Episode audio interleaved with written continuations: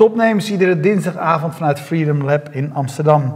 Uh, vandaag de gast Quinten Schevenels. Quinten, je bent uh, eerder bij ons te gast geweest. Daar gaan we straks nog eventjes over, uh, over praten. Maar nu ben je te gast als CEO van Funda. Ja. Komt het nog voor, want wij vragen normaal eigenlijk altijd wie ben je en wat doe je.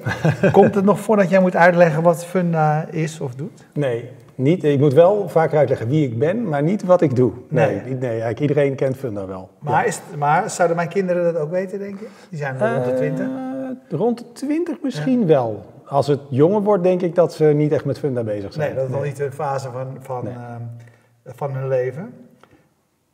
Ja, maar uh, wij, wij kennen jou uh, ik denk de eerste keer dat we met elkaar spreken, spraken was misschien niet hier aan tafel, maar dat je bij, bij Layer uh, actief was. Ja.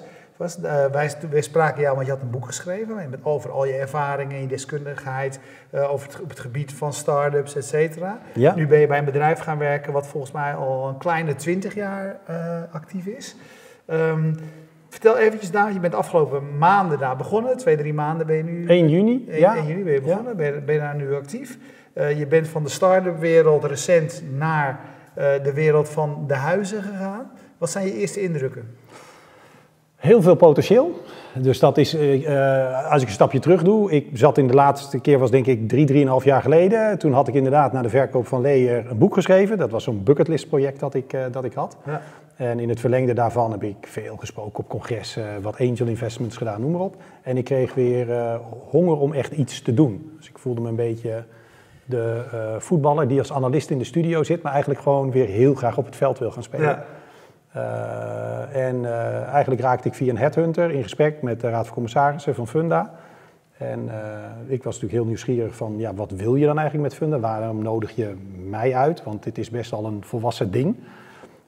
ik zie wel allerlei dingen die je daarmee zou kunnen doen, maar zien jullie dat ook? Wil je dat ook? En daar hebben we elkaar eigenlijk gevonden. Dus mijn, mijn eerste bevindingen nu uh, in de core van wat Funda eigenlijk al die jaren doet. Hè, vraag en aanbod bij elkaar brengen. Heel erg sterk, heel erg goed. Dus ook als ik naar alle cijfers kijk, klanttevredenheidsonderzoeken, noem maar op, echt heel sterk. Uh, maar in heel veel content, diensten, producten die je in het verlengde daarvan zou kunnen doen, ja, doet Funda eigenlijk niet zo heel erg veel. Dus geef, daar, nee. geef daar eens een voorbeeld van. Want uh, uh, nogmaals, je hoeft niet uit te leggen, we kennen allemaal Funda. Ja. Uh, ook binnen ons kleine wereldje van mensen die echt heel actief uh, ook kijken van, goh, is dat nou een goede app, is het gebruiksvriendelijk, bla bla bla. Denk ik dat eigenlijk Funda best wel goed doet. Ja, uh, na een aantal verbeteringen de afgelopen jaren. Ja. het werkt allemaal naar behoren. Wat, wat, wat kun je daar dan nog doen? Nou, dus eigenlijk op dat stuk van dat vraag en aanbod bij elkaar brengen, kan je eigenlijk niet zo heel veel meer doen. Daar kan je nog wel wat dingen verbeteren, personalisatie, er zijn wat dingen ja. voor makelaars aan de achterkant, als ze zeg maar uh, huizen plaatsen, dat kan allemaal nog een beetje mooier. Uh, maar als je uh, zeg maar naar onze website toe komt, dan ben je vaak op zoek naar een woning. En dat is het begin van een veel langer proces dan alleen maar die oriëntatie. Daar komen ook allerlei vragen als hoeveel hypotheek kan ik eigenlijk krijgen? Een hypotheek die je moet sluiten. Je moet naar een notaris toe. Je moet gaan nadenken over inboedelverzekering. Dus heel veel best wel lastige vraagstukken waar wij je eigenlijk niet echt bij helpen. Dus we helpen je helemaal aan het begin van het proces. En daarna moet je het eigenlijk maar weer zelf uitzoeken. En als je naar onderzoek kijkt, zijn al die stapjes zijn voor mensen hartstikke stressvol. En er zijn niet zo heel veel partijen die je daar echt heel erg goed bij helpen. Nou, dat vind ik heel erg interessant om met Funda, met het team te gaan kijken. Wat kunnen wij verder in die customer journey allemaal nog doen? Nou, en daar als je dan kijkt naar onderzoeken, omvang van markten, logica dat wij dat gaan doen.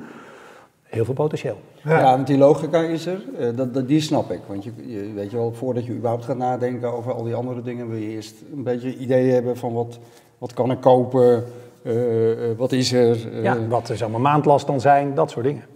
Ja. noem eens een paar hele concrete dingen die je daar dan aan toe zou kunnen voegen. Je noemt net al even hypotheek. Ja, dat is natuurlijk best een, dat is een hele ingewikkelde markt. Ja, ja, ja. zeker. Ja, en een hele ondoorzichtige markt. Ja. Met heel veel papieren romslomp. Ja.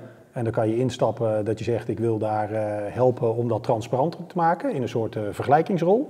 Dat kan je zelf doen, dat kan je partneren met Independer of een andere partij. Ja. Uh, zou je over drie jaar een funda-hypotheek kunnen sluiten? Dus echt helemaal We hebben aan doorgeredeneerd? tafel gehad die zich hier helemaal op specialiseren. Ja. Op financiële dienstverlening. We- Nou, dat vind ik wel eh, interessant. Dus daar heb ik geen eh, antwoord op van, goh, dit en dit gaan we doen. Ja. Maar wel, die markt is heel logisch. Uit onderzoek blijkt ook dat mensen eigenlijk wel een beetje verwachten dat wij hun daar ook wegwijs maken. Dat doen we nu eigenlijk niet echt. Nou, dan gaan wij de komende periode gaan we ze uitvogelen. Oké, interessante markt. Wat Ja, waar, waar doen? kan ik nog meer aan denken? Eh, Notarissen. notarissen. Ja, dus je, iedere keer je, je moet dingen met een notaris gaan doen. Nou, daar kunnen we ook wel een rol in spelen. Je moet een verzekering gaan sluiten. Nou, daar kunnen we misschien ook wel een rol gaan spelen. Je moet uiteindelijk gaan verhuizen. In het verlengde van de verhuizing zit vaak een keuze energieleverancier, mijn internet. Heel veel eh, Ja. beslissingen zijn ook weer gekoppeld aan dat verhuismoment. En dan schuif je alweer wat verder. Hè? Dus dan ga je eigenlijk, je komt bij ons oriëntatie, bezichtiging, nou, dan krijg je al die stapjes. En dan denk ik dat wij gewoon heel goed moeten gaan uitvogelen van welke van die stapjes kunnen wij logischerwijs toevoegen. En zet er ook een soort volgorde in. Dat we beginnen met eh, hypotheek, notaris en daarna doen we die en dan die en dan die. En dat moeten we dan op kleine schaal gewoon gaan Maar, uitproberen. maar is meer beter in, in dit geval? Want eh, wij hebben hier veel start-ups aan tafel. En dan, eh, het zal waarschijnlijk in jouw boek ook eh, gestaan hebben. Dat zal toch zijn, focus is een heel belangrijk eh, ding. Ja. Hè, maar kan je ook focussen op, zeg maar, steeds meer dingen? Ja, dan, nou ja, dan Waar, waar zit zeg maar, het spanningsveld tussen breed en smal? Ja, nou ik denk dat het eh, er natuurlijk heel erg in zit. Je, je kan niet alles tegelijkertijd gaan doen. Dus ik denk dat daar is belangrijk. Focus houden op de core van je dienstverlening. Dat is dat vraag- en aanbodstuk. Gewoon verschrikkelijk goed blijven doen. Want dat is de basis waar je eigenlijk alles op gaat bouwen. En dan moet je heel goed gaan kijken van welke andere producten en diensten willen wij gaan uitproberen. En dat kan je niet met tien tegelijkertijd doen. Dus dan Nee. moet je echt de keuze gaan maken. We gaan er één of twee doen. En dan maken we een teampje dat zich daar volledig op gaat richten. Dus dat gaan we niet erbij doen. Maar dat is echt een teampje dat dat heel specifiek gaat doen. En op het moment dat dat een beetje werkt, dan ga je dat opschalen. En als je Ja. dan denkt van, hé, hey, nou vinden mensen het normaal dat Funda dit ook doet. Dan kan je weer gaan kijken, een beetje wat Bol.com heeft gedaan. Van oké, welke andere dingen kan Ja. ik daar dan nog bij Maar goed, dan ben jij dus heel erg van de school die zegt dat moet je niet in je bestaande operatie doen, dat moet je er echt naast zetten. Ja, ja. ja, wel gebruik maken van eh, natuurlijk gewoon de site en het platform, het verkeer en het merk. Absoluut. Maar jij, jij Maar gaat apart echt drie mensen in een apart hok zetten die zegt van zoeken jullie die verzekeringen Ja, uit. absoluut. Dat Ja. zouden we kunnen doen. Ja, en wat heel grappig was, en dat, dat had ik me niet gerealiseerd tot ik zeg maar in die gesprekken kwam om CEO te worden bij Funda. Eh, eh, Funda kennen we bijna allemaal als je gewoon als particulier een koopwoning zoekt. Eh, maar er is ook een site Funda in Business. En dat is ook een separaat team. En dat is echt bedrijfsonroerend goed. Dat is gewoon een apart team met aparte developers, met een aparte product owner, Oh ja? met aparte sales, met aparte marketing. En dat is ehm, serieus succesvol. Dus dat is Ja, er wel eens op. niet te onderschatten qua omvang. En dat is eigenlijk heel erg grappig. Dus daar is al uit Funda is al een soort spin-off site ontstaan die heel erg succesvol is. Ja, nu zeg je dat, eh, ehm, ja, dat je met de Raad van Commissarissen in gesprek kwam en dat je benieuwd was van, goh, eh, weet je, dan zien jullie ook die mogelijkheden. En nou, daar bleek een klik te zijn. Ja. Eh, nu is het ook erg onrustig bij Funda. Volgens mij was je net aangenomen toen de Raad van Commissarissen opstapte en er een teringruzie uitbrak tussen zo'n ongeveer iedereen die bij de NVM betrokken was. Ja, meer bij de NVM dan bij Funda. Dus de, Ja, de is ruzie wel- was ja, niet is zozeer bij... is eh, wel de enige aandeelhouder. Eh, Nee, de- nee, niet de enige, ja. eh, de- maar de, de grote De gro- aandeelhouder. grootste aandeelhouder. Laat ik het, Ja, ja, eh, laten we het correct houden. Heb je daar last van gehad? eh, Er kwam nou, heel snel een nieuwe FSC, Ja. andere mensen, ja. wijziging van ideeën misschien. Nee, dat niet echt. Nee. Dus wat het, Ja. de, de last die ik ervan heb gehad, is dat het natuurlijk heel raar is dat je een proces hebt doorlopen met een raad van commissarissen, waar je allerlei gesprekken hebt gevoerd over ideeën, over de strategie, mandaat dat je krijgt, noem maar op. En dat eigenlijk op de, op de aandeelhoudersvergadering, waar jij benoemd wordt, Oh ja? een week daarvoor, een week daarvoor stapt die raad van commissarissen op. Uh, Ja, dus daar heb je last van in de zin van, oké, wacht even, wat moet ik hier nou van vinden? Wat betekent dit eigenlijk? Het idee was dat op die aandeelhoudersvergadering, dat de raad van commissarissen zou worden uitgebreid met drie nieuwe leden. Dus er zou een Ja. grotere raad van commissarissen komen. Dat was een beetje geluk bij een ongeluk, want dat betekende namelijk dat op de agenda van die aandeelhoudersvergadering stond al de benoeming van drie nieuwe leden, zeg maar voor de raad van commissarissen. Dus daardoor was er eigenlijk heel snel een nieuwe raad van commissarissen. Met drie eh, ja, gewoon hele ervaren mensen. De CEO van KNAP zit daarbij. Ja. eh, de managing director van eh, Nimbus, private equity bedrijf. Ehm, en die zijn onafhankelijk. Die hebben verder ook geen banden met de NVM. Dus ik Ja. had eigenlijk van de een op de andere dag een nieuwe onafhankelijke raad van commissarissen. Alleen geen van drieën kende ik. Nou Ja, waar ging het meningsverschil toen over en heeft dat impact op, op de koers van Funda? Nou ja, om heel eerlijk te zijn, ik ben daar niet bij geweest. Dus dan ga ik daarover speculeren, want de NVM Ja. eh, zegt iets en de ene commissaris zegt wat en de ander zegt wat en mijn eigen managementteam heeft daar een mening over. Ik heb gewoon gezegd, het zal wel. Ik heb duidelijke afspraken gemaakt over wat ik hier kom doen. Daar heb ik ook gesproken met de algemeen directeur van de NVM Holding.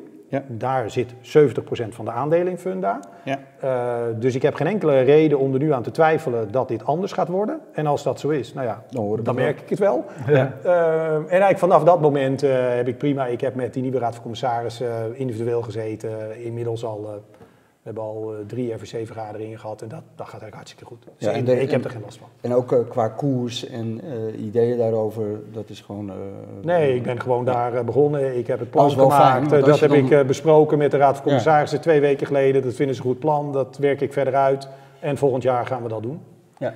Hey, je zei, eh, eh, toen je gevraagd werd, benaderd werd, wa- was jouw vraag aan hun, waarom kom je eigenlijk bij, bij mij uit? Ja. Eh, maar, maar was toen ook het antwoord daar, daarop, eh, we willen verbreding van, eh, van, van het pakket, zeg maar? Ja. Dat was het, Ja, eh, ja. En niet, niet concreet al met van oké, wat dan precies en hoe ga je dat doen, maar wel heel erg vanuit, we hebben zo'n ontzettend mooie positie en daar moet toch veel meer mee mogelijk zijn. Wij Ja. moeten toch in de keten voor de consument en voor de makelaar veel meer waarde kunnen toevoegen. En dat willen we gaan ontdekken. ja. Hey, wat, wat is het doel eh, uiteindelijk eh, bij Funda? En wat ik vraag is, het bedrijf bestaat al heel lang. Eh, er is ook eh, wat publiciteit geweest over dat er Amerikaanse investeerder interesse had om het over te nemen. Is het Min, minderheidsbelang geloof een ik. minderheidsbelang, eh, of in ieder geval wilde investeren? Ja, Is een, ja, je noemde net ook Independer, is natuurlijk net, net overgenomen door de persgroep. ja, mooie move. Is het, is het denkbaar dat Funda op een gegeven moment verkocht wordt? Ja, dat, dat is wel denkbaar, maar voor zover mij bekend speelt dat nu helemaal niet. En Nee. eh, weet je, dat is ook niet de achtergrond van, eh, weet je wel, het nu verbreden en het... Nee. Voor zover jij weet dan, hè? Nee, Eh, nee, nee, en ik ben uiteindelijk natuurlijk niet eh, bent de aandeelhouder. Ik ben ja. wel de CEO, dus het is op zich wel gebruikelijk dat ik dat zou weten. dat dus in die zin, nee, nee, nee, nee, nee. Ik, Ja. heb, ik heb helemaal niet het idee dat dat, eh, dat, dat speelt. Ja. Eh, hoe dat over eh, drie, vier, vijf Want, jaar is, want eh, als je ik er objectief weten. naar kijkt, is het natuurlijk een waanzinnig mooi platform in Nederland. Het is een Ja. monopolist op huizengebied met inderdaad alle potentie die jij eh, net eh, schetste. Ja. Nee, dit is gewoon een geweldig eh, succesverhaal. En ik bedoel, ik eh, mag daar nu CEO van zijn. Eh, ik heb tot nu toe aan dat succes nog niet zo heel veel bijgedragen. Nee, maar dat is natuurlijk wel... ik ben al heel erg lang bezig met, met online marktplaatsen. Hè, als, bij, Ja. bij de Telegraaf, bij VNU, als investeerder. Ja. En een marktplaats met zoveel tractie als Funda, met zoveel positieve dingen eromheen, vanuit klantonderzoek, retentie, eh, merkassociaties, nou, daar, die zijn er gewoon niet zo heel erg veel. Je noemde net eh, de, de, de, de mogelijkheden in die customer journey waar je eh, je op gaat focussen. Funda zit natuurlijk ook op een enorme berg data, kan Ja. ik me voorstellen. Ja, zeker. Is dat ook onderdeel van jullie plannen, Ja. om daar meer mee te gaan doen? Ja, Kun je daar wat over vertellen? Nou, ik zou de data vooral gebruiken om die consument in die journey te helpen en die data gebruiken om de makelaar te helpen zijn dienstverlening te optimaliseren. Eh, nou, dat klinkt denk ik niet eens zo heel cryptisch, maar eh, wel heel zorgvuldig met die data omgaan. Dus wij zijn heel terughoudend in het delen van data met derden. Ook uitwisselen aan andere platformen en zo, dat doen we allemaal gewoon niet. Dus alles wat we ermee doen, moet echt in het belang zijn van degene van wie de data eigenlijk is. Dus als jij bij ons op de website komt, dan vind ik dat meer jouw data dan mijn data. En wij krijgen toestemming van jou. En wat we met die toestemming moeten doen, is dat we vooral moeten proberen om de dienstverlening naar jou, jouw leven aangenamer te maken, dat proces voor jou makkelijker te maken. En Ja, ik denk dat we daar met data heel veel dingen kunnen doen. Ja, maar dat is tegelijkertijd ook eh, een van de dingen die me echt opvalt, dat Funda daar niks in doet. Ja. Want, eh, eh, weet je, ik gaf net als voorbeeld, ik zit voor de gein wel eens, eh, omdat ik ontzettend van de Waddenzee hou, zit ik wel eens te kijken wat die huizen nou kosten op die eilanden. Duur hè? En, eh, ja, bizar. Ja, ze overal inmiddels. Of Noord-Groningen. Dat is goedkoper, Maar ik ja. zou het dan eigenlijk inmiddels wetende hoe het werkt, heel normaal vinden. Dat ik af en toe eens een berichtje van Funda zou krijgen. Goh, er zijn drie nieuwe huizen te kopen op uh, Schiermonnikoog. Ja. En eh, kijk eens, kijk nooit. Ja. Ja. Echt helemaal nooit. Nee, nee nou dat, en dat, dat zijn echt hele praktische dingen. Dus als je zegt, wij kunnen allerlei nieuwe dingen doen, maar ook gewoon in de core van de dienstverlening Ja, kunnen wij ook dingen beter doen. dat is de dit. Ja. Absoluut, ja, zeker. Ja. Ja, en dat, maar dus, ik denk dat dat een beetje komt dat eh, men misschien eh, eh, gewoon te voorzichtig daarmee is geworden. En daarmee eigenlijk Komt de, dat ook de, omdat- de klant tekort doet. Maar, Ja. komt dat ook, en dat, lijkt me, dat heeft mij altijd het lastige geleken van Funda, want het is natuurlijk niet voor het eerst dat er verschillende belangen zijn, laat ik het dan netjes zeggen, dat de makelaars natuurlijk hun belangen hebben. Je hebt het is niet alleen maar het platform. Eh, Nee, ik denk dat dit, het feit dat jij, eh, hè, dat, dat wij weten op basis van jouw gedrag op de website, dat jij regelmatig in die gebieden zoekt, maar dat jij toch van ons geen update krijgt, dat is echt gewoon alleen maar het productteam van Funda, dat, Ja. dat ofwel eh, minder waarde toekent dan jij en ik, of andere dingen die belangrijker zijn, maar daar heeft verder niemand, eh, niemand iets over te zeggen. Nee. Oké, ja, maar en dat komt bij jou gewoon op de roadmap, Ja. dit soort dingen. Ja, nee, nou, een aantal van dat soort dingen gewoon, de- zoals wij hier zitten, daar, Ja. daar wordt gewoon echt aan gewerkt. En die zullen ook gewoon de komende weken, maanden, je een aantal van dat soort functionaliteiten ook gewoon gaan zien. En jij zegt van ik ben al jaren met die, eh, met die marktplaatsen bezig, vraag en aanbod bij elkaar brengen. Als je nu die afgelopen 10, 15 jaar kijkt, zit daar een ontwikkeling in? Is dat veranderd? Of is een marktplaats gewoon eigenlijk altijd een marktplaats? Er is niet zo heel veel ontwikkeling in geweest, vind ik eerlijk gezegd. Nee, dus ik vind daar de... nee, die- ik, ik wou graag... Maar dan moet je nou zo lachen. Nou, nee, nee, omdat ik zet iets in mijn hoofd, maar ik ga het ook vertellen, want anders denkt iedereen, wat zit hij daar aan te lachen? Nee, nee, ik, ik, ik had natuurlijk mijn, ik had het boek geschreven, dat was een bucketlist project en dat kostte me veel meer tijd dan ik had gedacht, maar Ja. ik vond het heel erg leuk. En toen had ik op een gegeven moment, raakte ik in een soort van overenthousiast, dacht ik, ik ga nog een boek schrijven en nog een boek schrijven. Eh, toen dacht ik, eh, ik had Innovators Dilemma gelezen, Ja. maar dat is geschreven in eh, 96 of zo, dus dat Ja. ging heel erg over als jij in de jaren 80 dominant was in een industrie, dan in de jaren 90 ben je gedisrupt. Maar het internet speelde daar nog geen rol. Toen dacht ik, je zou eigenlijk dat boek moeten schrijven over de eerste generatie internetbedrijven. Dus een beetje tussen 2000, 2008, 2009. En hoe die dan in het decennium daarna gedisrupt gaan worden.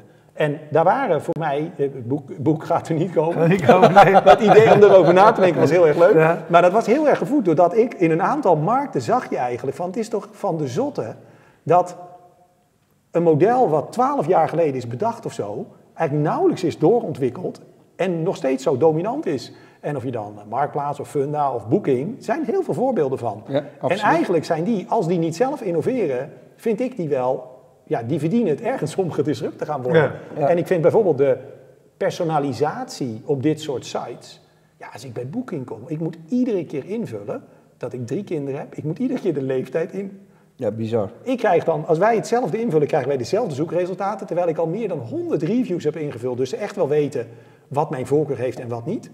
En toch krijg ik allemaal. nou dat, dus ik vind daar Ja. ehm, heel veel marktplaatsen zijn, omdat ze zo snel dominant zijn geworden. En een was geen beetje, reden meer om te... nee, een beetje naar die monetization modus. Want het businessmodel achter een marktplaats is natuurlijk wel een heel aantrekkelijk en winstgevend businessmodel. En ehm, dat was het dan.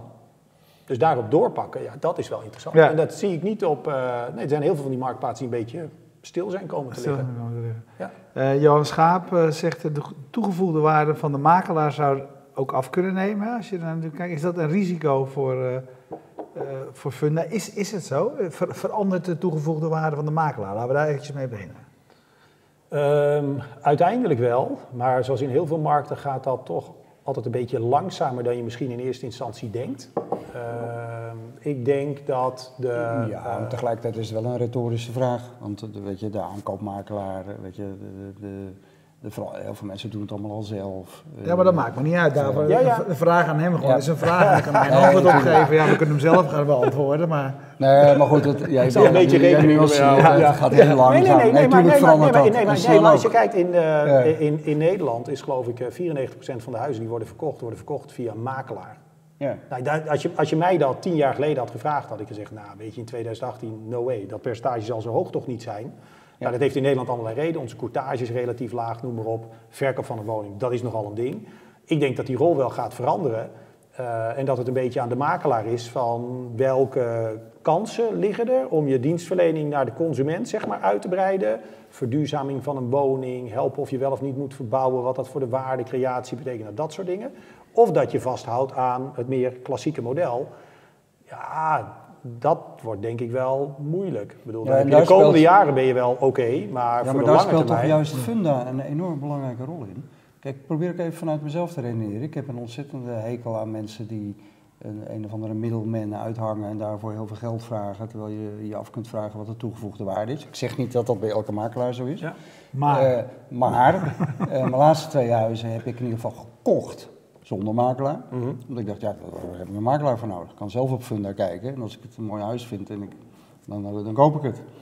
Eh, verkopen kan ik niet, want ik mag geen, niet zelf eh, advertenties op Funda zetten. Dat kan nee, niet. Nee, maar goed, dan zou je het via Eh, d- makelaarsland kunnen doen of een beetje van die, eh, van die self-service modellen Ja. waar je het eigenlijk relatief makkelijk ook kan doen. Ja. Nou, Dat dat, lijkt me het gekke van die positie. Dat je eigenlijk, eh, weet je, omdat, omdat Funda van de makelaars is, hou je dat monopolie natuurlijk ook in stand. Nou, nee, ja, ik, ik weet niet of dat zo is. Eh, Uit onderzoek blijkt ook gewoon dat de toegevoegde waarde van de makelaar, met name in dat verkoopproces, dat er heel weinig mensen zijn die dat willen. En ook bij die Ja, dat is self-service wel concepten zie je bijna iedereen die er naar switcht van ja, hartstikke leuk, maar dan moet ik dus zelf de rondleidingen doen, dan moet ik zelf de onderhandelingen doen, dan moet ik zelf met de contracten. Nee, maar dat, is ook, Ja. dat is ook echt gewoon gezeur. je Ik kan die deskundigheid ook niet opbouwen natuurlijk. Want je nee, doet want je doet het één keer in de zeven jaar. Dus dat, je, je bouwt dat helemaal niet op. En dan is echt in Nederland, als je dat vergelijkt met heel veel andere landen, de courtage die in Nederland betaalt, dat percentage, is echt super laag. Ja? Eh, Ja, joh, in andere landen is het vaak 4, 5 procent. In Nederland is het, eh, ik geloof iets van tussen de 1,3 en 1,7 procent. Het is echt heel veel lager. Ja. Dus dat Maar- is een beetje dan, nou ja, hoeveel, hoeveel toegevoegde waarde krijg je daarvoor? Ik sla wel een beetje een zijpad in, want ik vond eigenlijk jouw vraag wel heel interessant. Wat er nou veranderd is in die marktplaats. En eigenlijk eh constateer jij dus niet zo heel veel. Nee. Uiteindelijk redeneren we dan weer toe naar dat, naar, naar dat monopolie. Is natuurlijk toch wel een dingetje. Eh, dan heb ik niet over Funda hoor, maar Ja. dat, die winner takes it all economie, want Ja. dat geldt voor heel veel van die platformen. Ja, dat is voor heel Dat veroorzaakt dit toch, dat die platform, ja, als je eenmaal de grootste bent, wie komt er nog tussen? Dat geldt ook voor Ja. boeking en dat geldt ook Ja. voor... Nou ja, ik, mijn, mijn overtuiging is dus, als je eh, niet doorontwikkelt, dan gaat er iemand wel tussenkomen. Een keer Ja, je weet Ja. alleen niet wie en wanneer, eh, maar dat gaat uiteindelijk wel, wel gebeuren. Want je laat gewoon veel te veel ruimte vallen en behoeften van een consument die iemand anders een keer gaat invullen. En je merk gaat een beetje sleets worden dan en dan heb je te weinig nieuwe functionaliteiten. Dus ik denk dat dat heel, eh, heel risicovol is. Je ziet wel een beetje natuurlijk marktplaatsen die meer platformen gaan worden. Hè? Dus eh, even, als ik zeg de verbreding, verder in die journey. Ik bedoel, dat is natuurlijk niet zo eh, dat, dat ik dat bedacht heb en niemand anders heeft dat bedacht. Dat is wel een internationale trend. Als je kijkt naar real estate platformen, Ja. zoals het een beetje mooi is. Eh, daar zie je dat in Amerika gebeuren, Engeland gebeuren, Duitsland. eh, Scout, die hebben de grootste real estate site in Duitsland. Die hebben nu net voor, ik geloof, 350 miljoen hebben die een online hypotheekpartij gekocht. Dus de verbreding, dat zie je wel op verschillende plekken gebeuren. Wat heb jij ehm, meegenomen, meegebracht in, in, in, eh, in, in Funda, wat je zeg maar, vanuit je eigen start-up eh, ervaring, zowel als investeerder als, als eh, zelf, bij Layer, zeg maar, hebt geleerd? Wat, wat neem jij mee? Nou, het belang is, ik heb eigenlijk een soort, mijn professionele leven, een beetje die twee gezichten. Bij grotere bedrijven echt in, in een rol als eh, directeur of COO, hoe je het ook wil noemen. En eh, daarna veel meer bij eh, jonge bedrijven als investeerder of commissaris. en bij C- de CEO bij Leer, wat natuurlijk ook wat kleiner bedrijf was. Ja. En ik pak een beetje uit die grotere bedrijven mee gewoon managementervaring. Gewoon heel veel vlieguren gemaakt als manager. Wel altijd verantwoordelijk voor meer de nieuwe dingen en de dynamiek die daarbij hoort. En vooral merk ik nu als ehm, eh, investeerder in jonge bedrijven en dus ook ontzettend veel founder teams ontmoet, pitch decks bekeken. eh, heel erg bij Funda van ja, je hoeft niet een soort enorm businessplan te maken, 5 miljoen investeringsgeld en dan ga je in één keer een soort big bang doen. Nee, laten we eerst maar eens gewoon kleinschalig uitvogelen hoe het werkt in verschillende markten. En kunnen we dat niet met een soort eh, MVP uitproberen en als het goed gaat dan gaan we het opschalen. Dus ook die manier van denken, waar als iets wat groter is dan nou, denk je misschien te snel te groot. Hè? ABN AMRO die iets nieuws gaat doen, hup, 50 miljoen euro funding. Ja. Nou, ik vraag me af hoe verstandig dat is. Dus ik denk dat ik een beetje de mix van die twee heb, eh, hoe, hoe je dat goed kan combineren. Ja. Ja. Eh, Johan eh, zei net ook al van, eh, hij ziet jou volgens mij, hij ziet je vaak naar allerlei bedrijven fietsen waar hij- waar jij volgens hem aandeelhouder van bent. Ik weet niet over welke bedrijven hij het heeft, maar... Ik weet niet over welke fiets die Nee, hij, is die hij- net hij- Ja. ja, hij, hij kent jou en eh, eh, hij zegt, hoe, hoe combi- combineer je dat? En was dat een issue bij, bij, eh, toen- toen je begon? Dat je zeg maar, belangen in andere... Welke bedrijven heb je belangen? Laten we daar even beginnen. Ja, oh, nou ja, ik zal er een paar noemen. Eh fintechbedrijf, Bridge eh, Dedico, dat is een platform waar je eh, reizen kan boeken, boeken bus, nou, dat zegt het eigenlijk al, B2B eh, busvervoer boeken. Clubje, een heel ander clubje, die zitten in medicijnen. Dat als je geopereerd bent, je hebt narcose gehad, dat je snel weer honger gaat krijgen, zodat je snel het ziekenhuis uit kan. Nou, het is een hele Heel lijst, een gevarieerd. e-learning platform. Ja, maar wel heel veel eh, toch in de hoek van eh, marktplaatsachtige modellen, SaaS-achtig. Dat zijn wel een beetje eh, twee dingen. Was dat een, een issue? Nee, eigenlijk helemaal niet. Eh, in de eerste plaats omdat er niets tussen zit wat op een of andere manier concurreert met Huizen te maken heeft. Ja. Dat is natuurlijk heel belangrijk, want dat was wel ingewikkeld geworden. Eh, en aan de andere kant, eh, als eh, eh, angel-investeerder ben je natuurlijk operationeel niet betrokken. En natuurlijk had ik in mijn agenda voor 1 juni had ik wat meer tijd om overdag te zitten met zo'n team. En nu moet ik daar een beetje mee schipperen. Dus ik heb nu net op kantoor bij Funda van 6 tot 8 gezeten met een van die clubjes. Dus ik organiseer dat een beetje aan de randen van de dag. En er staat verder ook, we er ook zo over praten, want het staat ook in mijn contract. Het is allemaal gewoon goedgekeurd en alles wat ik doe, dat disclose ik ook. Dus dat is prima. Ja. Ja. Hey, wat, wat, wat voor jezelf? Wanneer, als, als we jou nu over een jaar, eh, een jaar spreken, een jaar is kort, snap ik wel. Ja. Maar wat, wat, zou je, wat wil je dan bereikt hebben? Wa- Wanneer, wanneer ben je trots? Ehm, als jij die eh, alerts krijgt van ons. Ja. Eh, nee, dus echt dat we een aantal dingen gewoon op die, eh, die, die, die, die basisdienst gewoon echt beter doen. En dat om, omdat wij zoveel gebruikers hebben, dan mag je ook verwachten dat heel veel mensen dat ook echt merken. Ja. Dat ze echt denken, oh ja, handige functionaliteit. Ik kan mij, raar dat ze dat eigenlijk niet eerder hadden.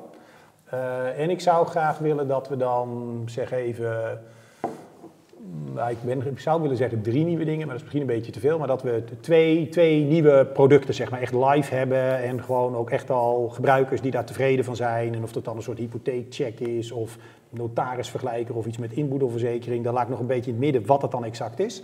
Maar dat we er echt gewoon al twee geïntegreerd op de site. ge- gewoon goed product, Funda kwaliteitskeurmerk, Funda UX. Gewoon goed. Ja. Ja, dan, dan zou ik wel eh, tevreden zijn. Ik denk dat we je gaan uitnodigen over een jaar. Nou, ja, dat lijkt me hartstikke leuk. Voor de record. Ik ben heel blij dat je er zit, want ik ben altijd blij als we weer mensen in ons netwerk hebben die eh, invloed hebben op de apps die ik gebruik. Ja, Zwaar- kan ik zware last. bellen. Ja, precies. Nou ja, als ik, als ik erover nadenk, zeg, zeg jij eigenlijk voor mij, kijk, ik heb heel lang geleden een huis gekocht. Dus ik heb eigenlijk, eigenlijk geen enkele, ik kijk alleen naar Funda, omdat ik wil weten wat de buren zeg maar met Ja. hun huis, huis hebben gedaan. Maar jij, jij zegt eigenlijk van, wij willen ook voor jou weer meer, voor onder, eh, dus niet alleen op het moment van, van, van de aankoop en de verkoop, maar dat hele stuk ertussen Ja. wil je als Funda eigenlijk ook weer een, eh, voor mensen een grotere rol gaan Ja, spelen. ja, maar wel dus echt op die, eh, vooral voor die, die bezoekers, iedere maand zo van de 4 miljoen, 500.000, 600.000, die echt in de markt zijn om een andere woning te kopen. Dat is echt de coregroep. En de rest die inderdaad wil kijken wat gebeurt er in de buurt, of het huis van, eh, weet ik veel, John de Molles die zijn huis verkoopt, die zijn van harte welkom op de site. Maar dat is veel minder uniek bezoek dat wij hebben met een veel minder eenduidige behoefte waar ik wat mee kan. Ja. Dus dat, dat, is, dat, dat zal dit jaar, komend jaar, niet mijn Niet, core eh, focus zijn. niet Nee, nee, nee. Dankjewel. Goed, We gaan je weer volgen. Ja, Leuk. hartstikke bedankt. Man. Leuk. Een half uur lijkt heel lang, zeggen mensen wel eens. Maar Het is gewoon heel, heel, erg kort. Dat is heel, erg kort. Ja. Super, dankjewel. Jullie bedankt voor het kijken en we bedanken zoals altijd de sponsors. Eh, Stekels, deze smaakt bij jou goed, toch? De Brook in Ja, heerlijk. Ja, lekker biertje. Van eh, onze vrienden van... Bier en Co. Verkocht aan een biermerk wat ik niet noem. Oh nee, dat is niet Het begint ook met een B, geloof ik, toch? Of niet? Zoiets. die hebben we nog meer uit Groningen. Trouwens, ik heb niks tegen Bavaria hoor. Dus Oh nee, helemaal niet. Nee, nee, nee. Maar je bent eigenlijk meer van Heineken, hè? Eigenlijk wel. Ja. Ja. Groningen Jetstream, eh, die altijd eh, voor de streaming van de website zorgt. PQR voor de hosting van de website. En natuurlijk Freedom Lab voor de gastvrijheid. Iedere week vanuit Freedom Lab in Amsterdam. Kijk je live, blijf kijken. Kijk je on demand.